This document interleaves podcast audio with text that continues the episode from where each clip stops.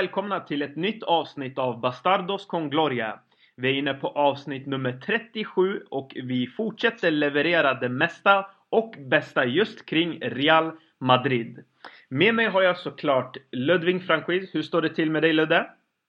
Jo, det står, det står bara bra till. Vi har en ny logga nu också, så att eh, mm. det är hypergrowth på gång. Precis, jag tänkte prata om den alldeles strax. Men först ska jag fråga dig, hur har dagarna sett ut under landslagsuppehållet? Jag har sett mest oroad som att det viktigaste stunden på säsongen väntar. Och vi vill, inte, vi vill inte ha några onödiga skador. Jag var inte så glad när jag såg Carvajal spela 90 minuter i två matcher med Spanien. Mm. Faktiskt så var det alltså för första gången på väldigt länge då jag inte hade hybris faktiskt. Alltså, det var ändå rätt bra matcher. Portugal gånger två, Sverige spelade. Eh, Spanien-Frankrike. Spanien körde också där en match mot Israel va? Så det var ändå rätt bra matcher under landslagsuppehållet. Eh, med oss som gäst då är det Marcos från kära redaktionen där va. Läget med dig Marcos? Hejsan hejsan, det är fint tack! Härligt! Hur mycket, hur mycket Chile blev det för dig under landslagsuppehållet? Mm, väldigt mycket faktiskt, men jag såg inte matcherna live utan jag såg dem eh, efter sändning, dagen mm. efter. Jag var ja. tvungen att vara lite, ta lite ansvars, ansvar och så. Mm, livet är ju så, ansvar är viktigt va? Ja, vi, vi strävar efter ans ansvar i podden här, så det är bra. precis. Vi har varit ganska dåliga på det.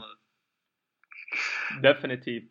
Eh, du Ludde, eh, vi ska ju prata om det du nämnde tidigare. Eh, vi har ju en ny bild till podden. Och det är en fantastisk bild. Jag ser faktiskt ut som att jag ska vara en deltagare i Paradise Hotel. Jag hoppas att det är en sexighet nu som lockar fler lyssnare till, till podden. Vi har redan många, men jag hoppas den kurdiska liksom, tropiska utseendet. Mm. Det, jag tar det som en eh, komplimang. Definitivt. Eh. Du ser ju ut som själva svärmorsdrömmen. Kan, kan det vara så lite? Vi får hoppas på att det blir lite kubanskt. Mm. Och inte bara cigarrer utan eh, killarna också. ja, men jag måste ändå ge oss ett högt betyg. Och vi ska ju såklart tacka din syrra som fixade ihop det hela. Ja, Familjen är bra att ha. precis, shoutout till henne. Eh, grabbar, eh, det är som sagt mycket som har hänt sedan landslagsuppehållet. Spelare ryktas till Real Madrid, spelare som ska lämna Real Madrid. Ramos vs Piqué, matchen mot Alaves som spelades idag. En hel del alltså. Eh, vi ska såklart tugga oss igenom allt det goda och här är ju tanken att vi såklart börjar med vårt nyhetssvep. Eh, och det här kan ju vara nyheter som ni redan har hört eller läst, men vi kör igen och eh, reflekterar över det här. Eh, Hazard kommer enligt tidningarna i Spanien att värvas till Real Madrid. Både AS och Marca skriver att Hazard kommer att lämna Real Madrid om de kommer med ett rätt bud. Chelsea har lovat att lyssna eh, om ett bra bud kommer in. Mbappé är en annan het spelare det pratas om och här handlar det väl mesta om hans insatser i Champions League. Vi får ju se hur det går för hans Monaco mot Dortmund. Annars kan det vara så att Mbappé inte känner sig redo för Real Madrid, vilket han själv har uttryckt. Isco sägs vara på väg att knyta ett nytt kontrakt med Real Madrid. 6-9 år talas det om. Frågan är om han skriver på eller om han lämnar klubben i sommar. Det har ju ryktats om de stora rivalerna Barcelona. Real Madrid har gått in i en jätteaffär med Telefonica och det kommer att betala klubben cirka 100 miljoner euro. Wifi kommer att finnas tillgängligt på Bernabéu och det ska skapa en app för detta. Enligt spansk media så är Raúl tillbaka i klubben. Han har tänkt att bli Perez högra hand, en legend som är välkommen tillbaka vilken dag som helst. Och Real Madrid är den första klubben att nå 100 miljoner likes på Facebook. Ludde, tankar om nyhetssvepet? Det var en hel del där. Ja, det är väl mest det komiska i och med att det är landslagsuppehåll och medierna har inte så mycket att skriva om. Så att i princip alla spelare i Europa har ryktats till Real Madrid eh, under det här, eh, det här landslagsuppehållet. Ja, jo men så är det ju. Eh, som Isco uttryckte det. Ni har väldigt lite tråkigt just nu. Så då behöver ni era rubriker. Eh, på tal om eh, Hazard då. Eh, Marcos, eh, vi har ju diskuterat en hel del. Vad känner du kring Hazard? Hazard, ja han är... Vad ska man säga? i sina ljusa stunder så är han ju på topp där, bland världens bästa kanske. Men eh, sen har han ju en eh, ganska tveksam eh, säsong bakom sig i fjol, tycker jag. Mm. Då han inte spelade fotboll förrän det var typ två omgångar kvar av Premier League. Och eh, det tar ju lite emot honom där, hans eh, inställning och sådär. Och liksom förmåga att ta arbetet. Men eh, han är en fin spelare, absolut. Och han har ju ryktats till Real Madrid sen, eh, sen, sen han spelade i Lille egentligen. Så att eh, det känns ju lite som att det hela tiden har dragit honom.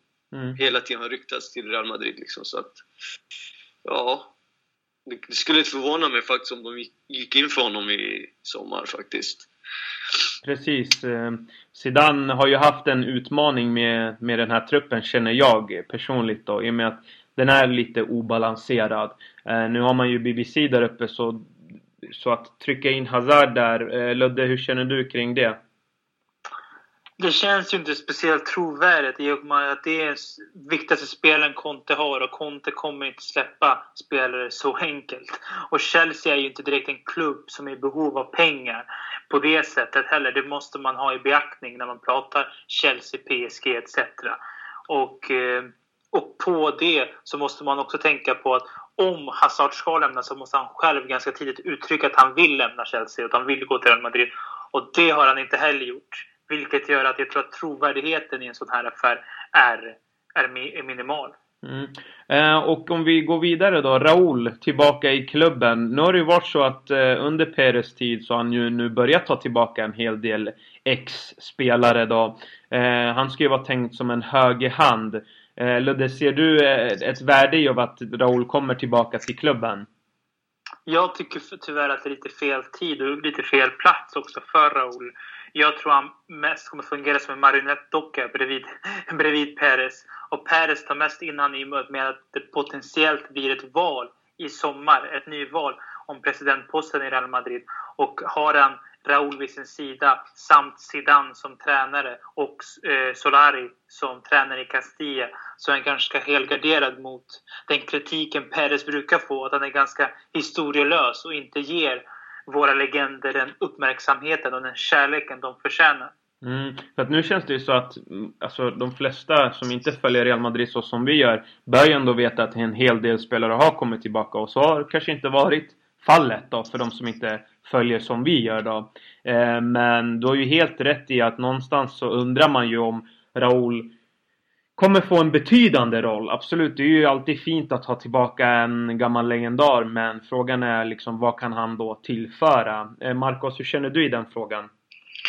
Ja, alltså jag vet faktiskt inte riktigt vad han, hans roll kommer vara egentligen. Alltså jag har ju läst att han kommer vara en, ja, hans högra hand väldigt nära till Peres men vad, ska han, vad han egentligen kommer hålla på med, syssla med vet jag inte. Alltså, jag tror absolut som eh, Ludvig sa att det är en, lite politiskt utav Perez att ta tillbaka honom där.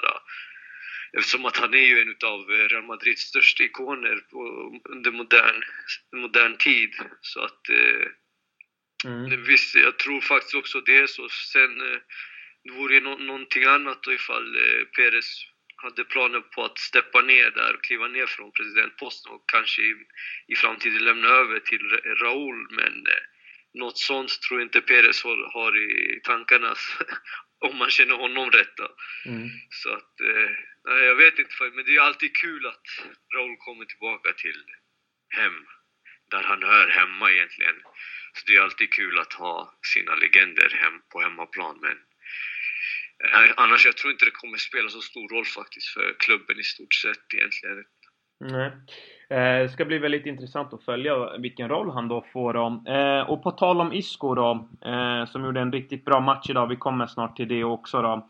Eh, om du fick välja Ludde, skulle du vilja att Isco lämnar eller att James lämnar? För en av dem måste ju tydligen då lämna klubben. Det blir annars väldigt svårt att bibehålla en bra balans. Jag skulle ändå säga att den den ändå kämparandan som Isco visar gång på gång. För att Isco spelar oftast bra när han får chansen. Men ändå så blir han nekad matchen därefter. Han får inte förtroende. Och han visar, han har ändå hela tiden metodiskt kämpat och kämpat sig tillbaka.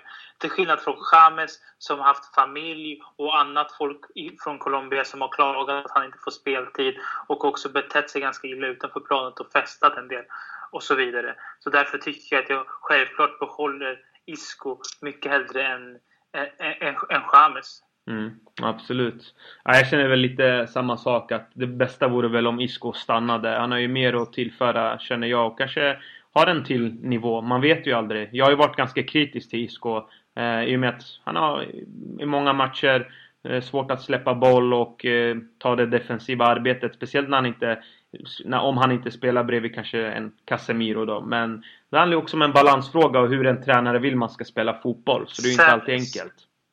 Sen så tycker jag också att om jag fick välja så skulle jag bli av med båda till och med. Eftersom jag tycker eh, alltså varken någon av dem som Zidane vill spela passar in. 4-3-3. Jag tycker inte någon av dem gör sig som bäst i någon av de här lite offensiva positionerna på, eh, på mittfältet eller de här centrala. Där, där Kroos och Modric brukar vara. Jag tycker det finns absolut bättre spelare på marknaden att ha som backup i de positionerna än både James och Isco. Mm. Och, och, Isco kommer inte lika mycket till sin rätt när han hamnar på en kant. Och det gör inte James heller. Båda är lämpade och klippta och skurna för nummer 10-rollen där de får boll och där spelet cirkulerar kring dem. Och det kommer inte ske i Real Madrid.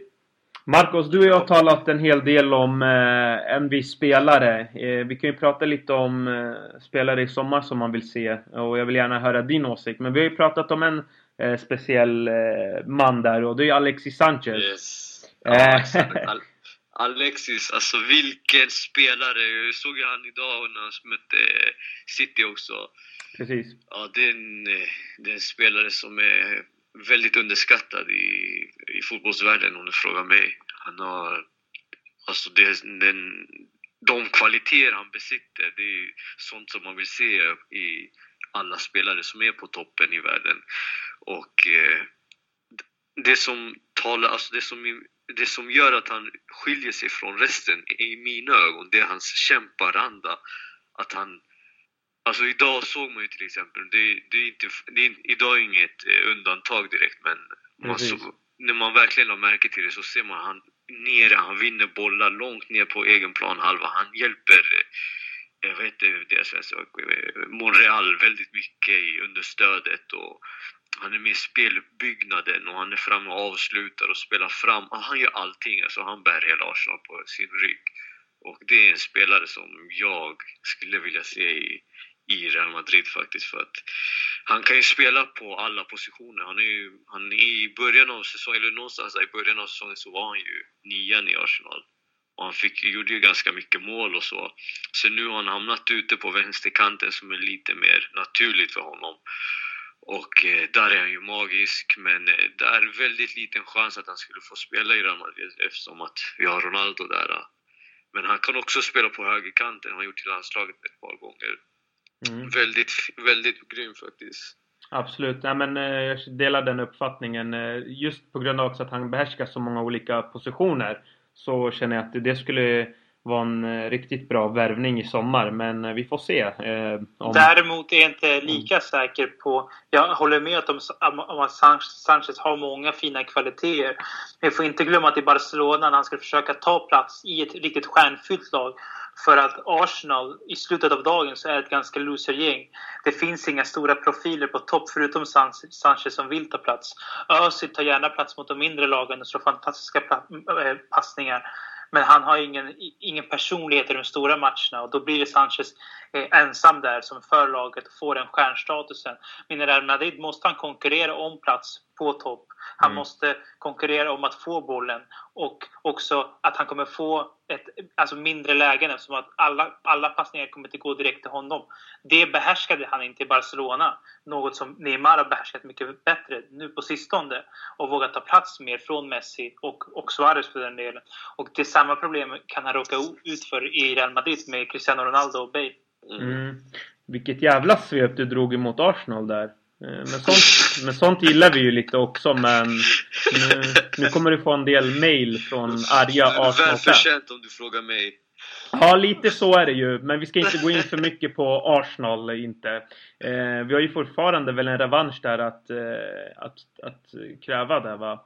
Eh, jag tänker på alla uttågen i, under Champions League. Vi fick ju tillbaka hämnden på, eller hämnd och hem, men ni fattar. På Liverpool och Roma. Men Arsenal, ja, vi väntar.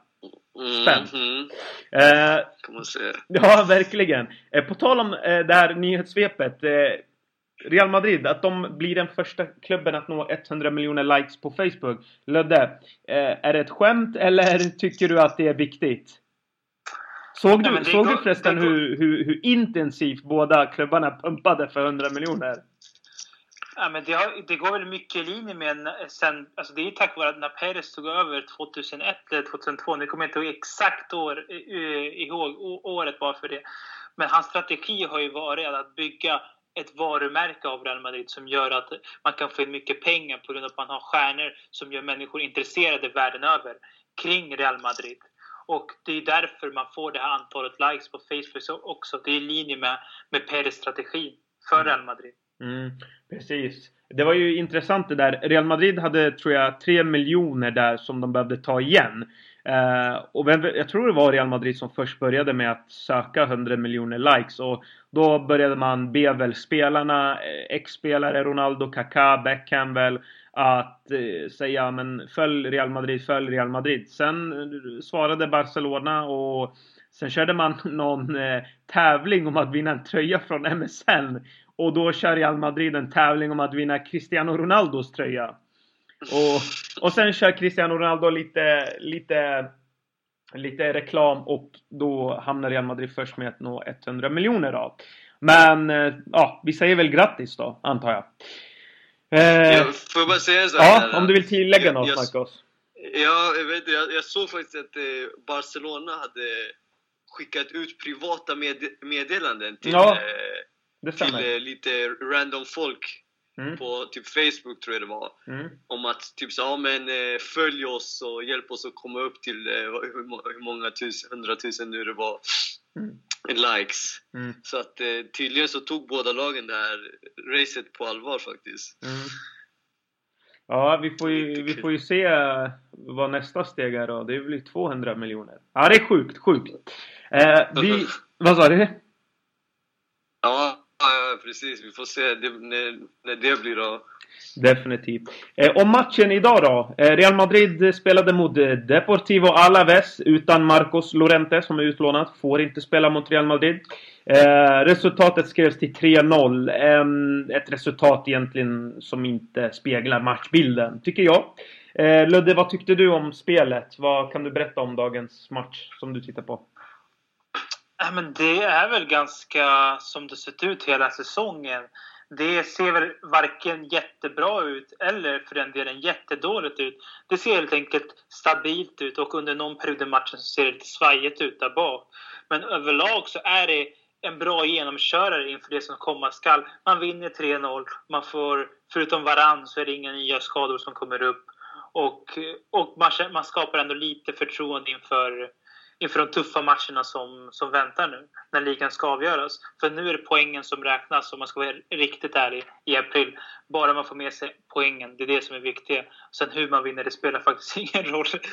Nej, men precis. Jag är lite av den skolan också. Jag tycker att så länge man vinner och liksom ja, har en vinnarmentalitet som genomsyrar klubben så, och vinner titlar. Jag menar, ja, då blir det svårt att ifrågasätta. Sen finns ju filosoferna där ute som såklart kräver bättre spel och... Sen finns det ju tendenser i spelet som vi ska såklart vara oroliga för. Mm. Anfallsspelet i Real Madrid har sen årsskiftet sett väldigt stelt ut.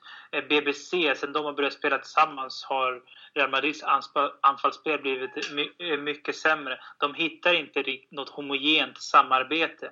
Och det har man faktiskt inte sett sen de mötte just Bayern München för två år sedan under, under Ancelotti. De, lämpa, de har väldigt svårt att skapa ytor för varandra, för ingen i, i den kedjan, förutom Benzema, löper för att öppna ytor för den andra. Och det finns inget samarbete mellan BBC och mittfältet heller.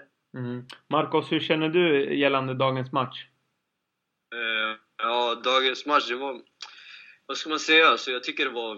För att vara en, en match efter ett landslagsuppehåll så är det då, det, det är ju de här matcherna som det kan komma en skräll.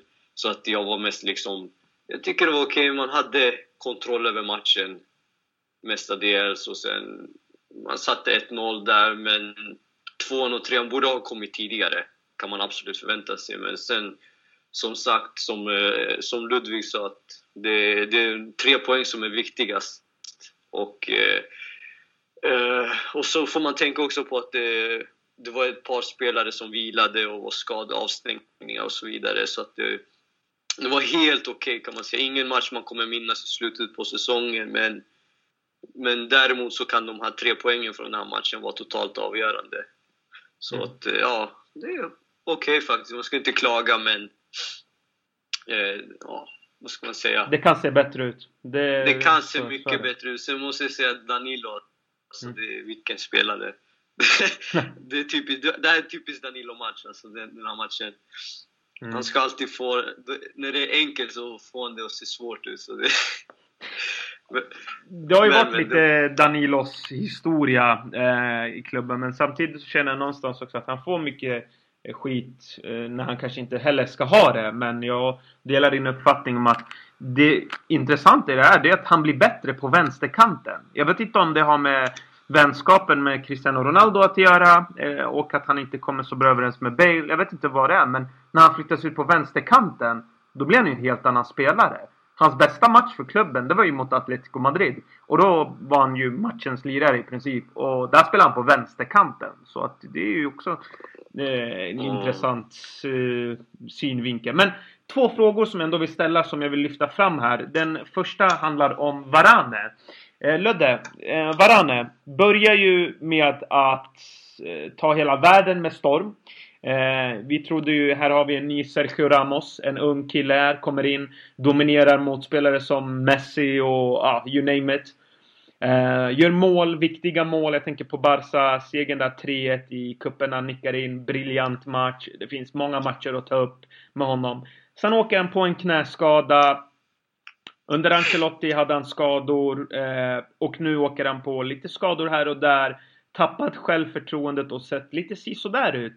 Hur ser du på Varanes framtid i klubben? Han är fortfarande relativt ung. Vad är han? 23 eller, 23 eller 24. Så jag absolut tycker att man ska ge en, en säsong till. Potentialen finns ändå där. Och som mittback har han många goda år framför sig om man bara får, får vara skadefri. Men sen har Varane haft lite otur. Han har fått känna på hur det är att vara en riktigt stor klubb. För Mourinho är en tränare som han har ett rykte av sig för att bara satsa på äldre spelare, men han vågar ju fortfarande släppa fram många yngre talanger. Och mm. det, till skillnad från till exempel Ancelotti, för när Ancelotti kom så var ju, fick Varann inte spela många matcher alls. Då satsade han på paret eh, Pepe, Pepe och Ramos. Och eftersom att man vann eh, Champions League med dem, så när eh, Benitez, tog, eh, Benitez tog över och sen senare Zidane, det fanns ju ingen, ingen anledning att ändra på det. Sen har Varann fått, Varann fått chansen när Peppe, Peppe varit borta. Och sen när han ska komma in i det och spela många matcher i rad, då blir han ju skadad. Så det blir svårt för Varann att komma upp i någon form av kontinuitet och komma upp i samma form som han hade när han var skadefri. Mm. Marcos, hur känner du kring eh, Varann? Ser du en framtid för honom i klubben? Ja, jag ser nog alltså, av de, av de unga spelarna ser jag nog han som mest självklar som kommer som kan vara kvar i tio år till i laget. Och jag tänker då mest på att hans potential som han har, som han besitter, som, som vi såg när, innan han blev skadad och, och det här, innan han åkte på de här skadorna, att han, ja, han dominerade Messi och liksom, ja, han var riktigt grym. Och det, sen såg man ju efter den här knäskadan eh, då förra säsongen när han kom tillbaka hur osäker han var. Och, eh, men det tycker jag att han har kommit tillbaka, han har återhämtat sig bra från nu. Mentalt så har han ju kommit tillbaka mer i spelet och kommit in mer i spelet och pre presterar på den nivån som man förväntar sig ändå. Mm. Av en mittback i hans ålder. Men eh, sen nu så har han ju lite skadeproblem igen. Liksom. Han hade någon lite platt match också för inte så länge sedan om jag inte minns rätt. Och, eh, och då, vet men det är så liksom, han är jätteung. Alltså han är, kolla Ramos till exempel, han var ju liksom det är nu som han är som bäst Ramos. Och hur gammal är han? Han är 32 va? Eller något sånt där. Ja, precis. Så att eh, han har ju väldigt många år på sig att komma upp till en nivå som han ska vara på. Så jag, jag ger han i alla fall en... Om han är 23 nu så har han väl en fyra säsonger på sig liksom att komma upp på en, på en riktigt hög nivå.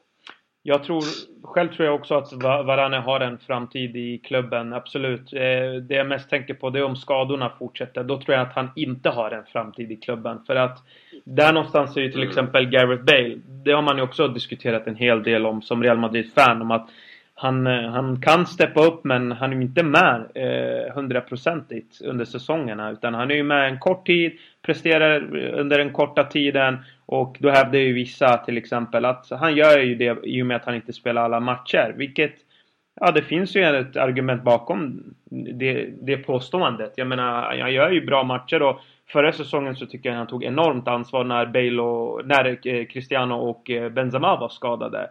Eh, jag tycker det är en fantastisk fotbollsspelare men Bale är ju lite, det är en lite svårare fråga när man har betalat en miljard och lite mer.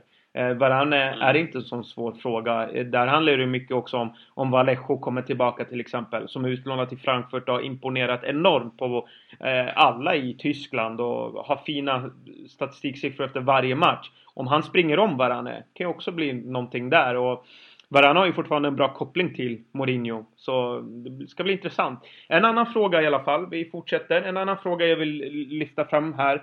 Det är ju eh, Keylor Navas. Också en målvakt som eh, började eh, riktigt, riktigt bra. Eh, dessutom hamnade ju i en, i en, eh, ja vad ska man säga, det var ju en sjuk eh, story där i, som, i, i sommar då när faxmaskinen pajade på Bernabéu eller ja, i, i Manchester eller vad det nu var. Eh, men visade sin lojalitet och presterade enormt bra. Eh, Kaylor hamnar också lite under Bale-kategorin på ett sätt. Jag menar, när de hade något att bevisa så var de väldigt bra. Men när de inte haft något att bevisa, då tycker jag att de har liksom kommit ner sig och landat där de är. Eh, och, och, att de inte känner att de alltid behöver prestera. Båda kommer ju inte från jättestora klubbar. I Tottenham kan det kanske vara bra att göra en fantastisk säsong, en mindre bra säsong. Ändå är du kvar. Men i Real Madrid, där vill du hela tiden ha kontinuerliga prestationer. Ta Cristiano Ronaldo. Killen kan bli utbuad i vilken match som helst. Eh, Kiko Kassé gjorde en väldigt bra match idag. Nu baserar jag inte det på den här matchen utan Finns det någon öppning i målvaktsfrågan, Ludde?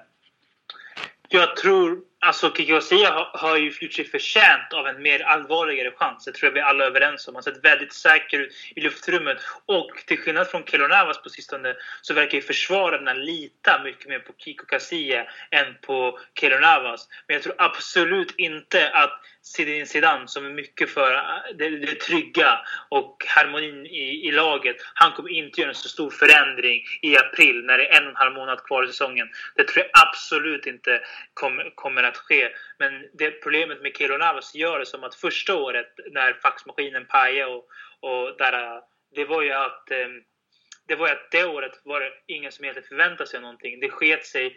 Folk tänkte att de, ja, Real Madrid står med en kille som stod i Levante i mål. Liksom och då, då, kunde han bevisa det eftersom han inte hade. Ingen trodde på honom så mycket. Men däremot i år, när han gjorde en fantastisk säsong. Alla förväntar sig att han ska ta nästa kliv och kanske bli världens bästa målvakt.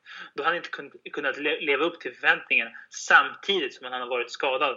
Mm. Marcos, känner du att eh, Navas ändå förtjänar att ha en off-säsong? Eller vi Real Madrid-fans, vi eftersträvar ju alltid topprestationer varje år, varje match, dag in, dag ut. Tycker du att han förtjänar att ändå ha en mindre bra säsong med tanke på att förra säsongen så var han ju uträknad. Han skulle ju bli såld. Det var ju klart. Han skulle till United och de Gea skulle in till Real Madrid. Ja, så det, det är svårt där för att som du säger så måste man ju alltid prestera, leverera i Real Madrid. Och eh, om han förtjänar en off-säsong Visst gör han det om han kommer tillbaka på sin nivå nästa säsong. Då kan man med facit i hand säga ja, men han förtjänade att ha en off-säsong.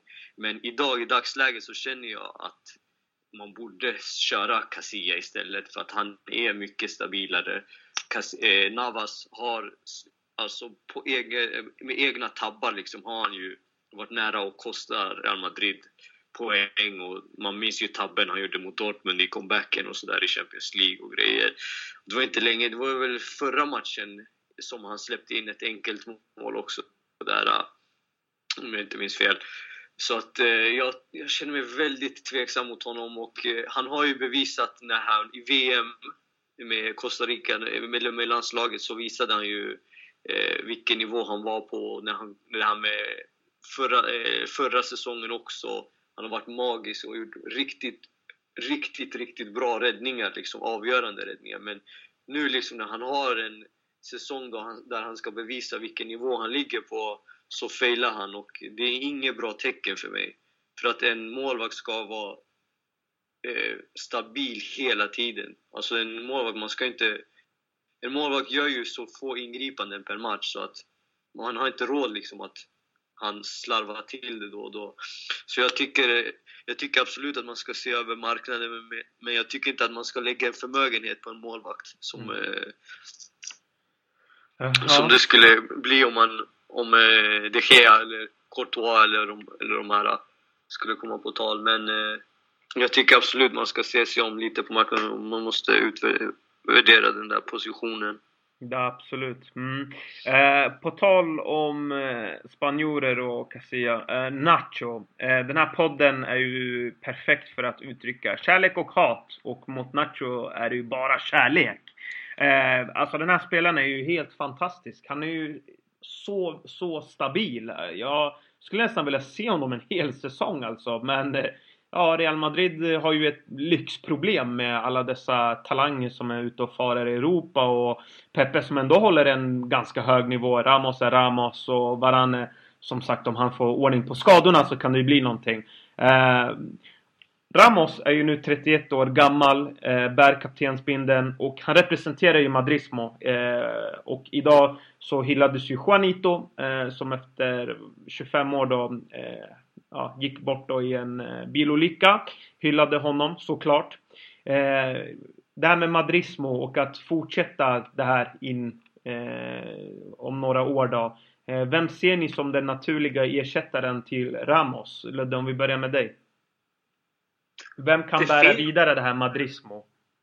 Alltså jag tror inte vi har en sån här stor ledare som tar lika mycket plats som Ramos som just nu som kan, som kan ta över. Däremot har vi flera spelare i truppen som tillsammans kan ge samma, alltså behålla Real Madrid-andan och alltså, visa vidare historien som finns i klubben. Exempelvis Lucas Vasquez, Dani Carvajal, eh, Nacho, eh, eh Alvaro Morata om han blir kvar, etc. Mm. Så vi har ett par som tillsammans kommer kunna ta över Ramos, men vi har absolut inte en spelare själv som har samma aura som Ramos har runt omkring sig. Mm, absolut. Marcos, eh, hur känner du i den frågan? Finns det en spelare som du tycker kan bära det vidare? Nu ser jag inte att Nacho ska vara just den typen. Han är ju ganska lågmäld och så, men... Mm. Fast det spelar egentligen ingen roll. Det har vi haft spelare som har varit tidigare. Men känner du att det finns någon där som kan bära Eh, alltså jag, tror, jag tror att det finns potentiella liksom. Jag ser ingen i dagsläget som skulle kunna axla den där rollen. Ramos, jag måste säga det, Ramos är den bästa kaptenen vi har haft på, om du frågar mig, sen Fernando Hierro. Mm. Eh, och eh, i min, alltså, enligt min smak. Men jag ser ju en del spelare som är unga som har den här, de har de här dragen i sig. Jag tänker på Carvajal. Carvajal. Mm. Han, han, han, sliter ju liksom och så om han om han skulle få det här förtroendet och då skulle hans personlighet kanske kunna växa ut liksom. Men att bli så som Ram, precis en kopia av Ramos tror jag inte han blir men jag tror han skulle kunna vara en potentiell kapten faktiskt. Eh, Nacho, han är ju, han är lite mer lite mer elegant och så i sitt sätt. Så att eh, han skulle kanske vara mer, lite mer åt Raúl-hållet som kapten men men annars, för mig, om du frågar mig, så tror jag på Dani Carvajal. Morata också, han har ju lite... Morata är också liksom, men han är väldigt ung fortfarande. Så han har ett, ett par år och han måste ju först och främst bevisa att han ens förtjänar att starta i Real Madrid innan han, man ska komma på tal om han ska vara kapten. Men som, om du frågar mig så skulle jag säga Carvajal, men i dagsläget ser jag ingen som är självklar ersättare för eh, Ramos faktiskt. Mm. Carvajal ger definitivt vibbar av eh, kaptensmaterial. Eh, om vi pratar lite här nu om det stundande spelschemat. Eh, nu blir det ju först då Leganes på bortaplan. Eh, och man känner ju så här nu då i efterhand att både Cristiano Ronaldo och Carvajal borde ju ha tagit ett gult kort var. Men nu gjorde man inte det. Så då finns det ju risk att man blir avstängda mot Atletico Madrid. Lödde, eh, det tuffa spelschemat. Eh, kort lite där vad du känner. Ja, men det är väl bara en realitet. Om du är med i ligaracet på allvar, vilket vi kanske inte har varit de senaste åren, då, då, då, måste vi helt enkelt hantera det. Och Real Madrid är en klubb som ska kunna hantera det. Vi har en trupp som är tillräckligt bred för att kunna hantera det. Det, det, det är så verkligheten ser ut för de allra bästa klubbarna i världen. Mm. Och jag förväntar mig av, av spelarna att, att de hanterar det här och åtminstone kan bära hem en titel av de två som står på spel. Absolut. Eh, Marcos, hur känner du kring spelschemat? Några tankar där? Det är väldigt spännande faktiskt. Det är den här månaden som man har sett fram emot och eh, vi, som Ludde säger så har vi en trupp som borde klara av det här. Eh, vi ska till och med kunna rotera oss lite genom det här, känner jag. Och eh, vi har en bred trupp och förutom om man ser till anfallet då. Anfallet är lite tom, tunt kan, kan man tycka om man, om man ska köra 4-3-3 men eh, och det har vi märkt också på mål, att målskyttet har lidit när Ronaldo, Benzema och Bale har haft sina skadeproblem nu den här säsongen. Men nu när alla tre är, är friska så väntar vi bara liksom att det ska lossna för dem. Eh, men det som sagt, det är väldigt, jag har sett väldigt mycket fram emot den här, eh, den här månaden, hela säsongen och är, nu känner jag att den här månaden kommer hela eh, säsongen att avgöras. Om, eh, om vi måste göra bra matcher mot Bayern, måste vinna mot, eh, mot Barcelona och vi får inte förlora poäng mot Atletico Madrid.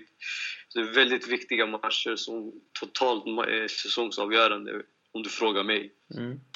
Grabbar, har ni några planer på att åka ner till Madrid i år? Ludde?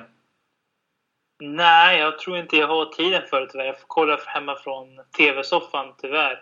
Men jag tycker, om vi pratar om den här månaden som är, så tycker jag det är intressanta med den här månaden, det är att mm. en spelare som Kelunava, som har varit ifrågasatt hela säsongen, om han gör ett par stormatcher nu mot Barcelona, Bayern München, Atletico Madrid och gör så att vi kammar hem en och är direkt avgörande till en, att vi kammar hem en av de där två titlarna, då kommer vi inte längre prata i sommar om han ska säljas eller inte. Mm. Och, och, istället spelare som vi har hållit väldigt högt hela säsongen, som exempelvis Luka Modric och eh, Bale och Ronaldo, som oftast får beröm, de har inte visat så stark form på sistone. Om de går in i den här pilmånaden och inte levererar så är det de som kommer att synda bockarna och inte Navas när säsongen är slut. Absolut. Intressant. Ja, absolut. Jag håller med. 100%. Jag känner också att spelschemat, eh, det är mycket intressanta saker som sker. Såklart känner jag att ligan är prioritering. Champions League, det, det är mycket liksom tillfälligheter, för att vara helt ärlig, som brukar avgöra.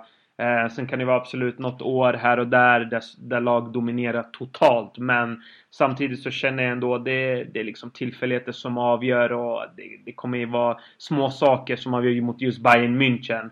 Eh, nu får vi se till exempel om Manuel Neuer är med. Han har ju rapporterats vara skadad och kanske inte kommer tillbaka. Och även om han kommer tillbaka kanske inte i den formen som man är van vid då.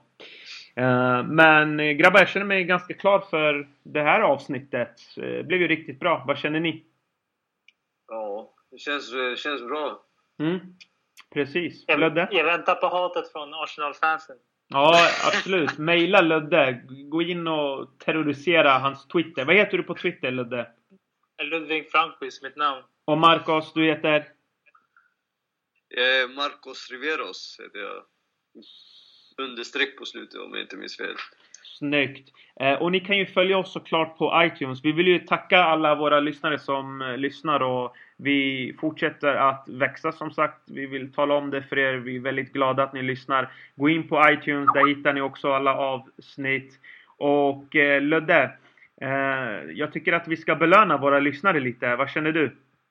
Ja, men jag tycker jag håller med. Jag tycker, jag tycker de förtjänar det, absolut. Mm. Eh, vi ska faktiskt göra så här att vi ska lotta ut en t-shirt då. Svenska fans t-shirt. Eh, och den kan man vinna genom att svara på en fråga i eh, själva artikeln som jag kommer att skapa. Eh, och vi kommer ställa lite frågor som ni får svara. Jag lämnar kommentarsfältet öppet. Och vi väljer ut en vinnare och skeppar iväg tröjan. Eh, Marcos, är det en bra idé? Det är en jättebra idé.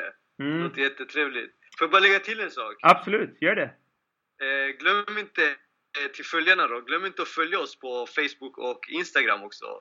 Eh, RM Svenska fans på Instagram heter vi och så är det Svenska fans Real Madrid på Facebook. Mm, absolut. Bra, bra. Yes. Fan vad gött. Eh, marknadsförare med i podden. Absolut. Så är det ju Ludde. Du vet själv, mina kurdiska pengar räcker inte alltid åt till allt. eh, speciellt när vi alla tre är studenter. Så att eh, då blir det lite knapert ibland. Men mm.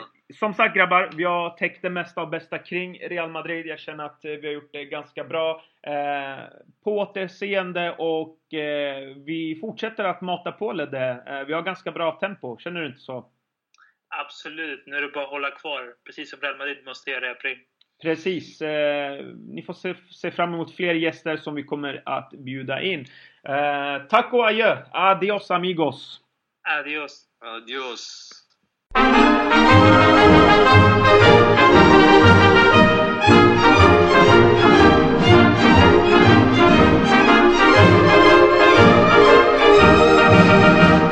Las glorias deportivas que campean por España. Va el Madrid con su bandera, limpia y blanca que no empaña. Club castizo y generoso, todo nervio y corazón. Veteranos y noveles, veteranos y noveles miran siempre sus laureles con respeto y emoción. A la Madrid, a la Madrid, noble y bélico Atalid, caballero del honor, a la Madrid, a la Madrid, a triunfar en buena lid, defendiendo tu color, a la Madrid, a la Madrid, a la Madrid, a la Madrid, a la Madrid. la caballero del honor, a la a la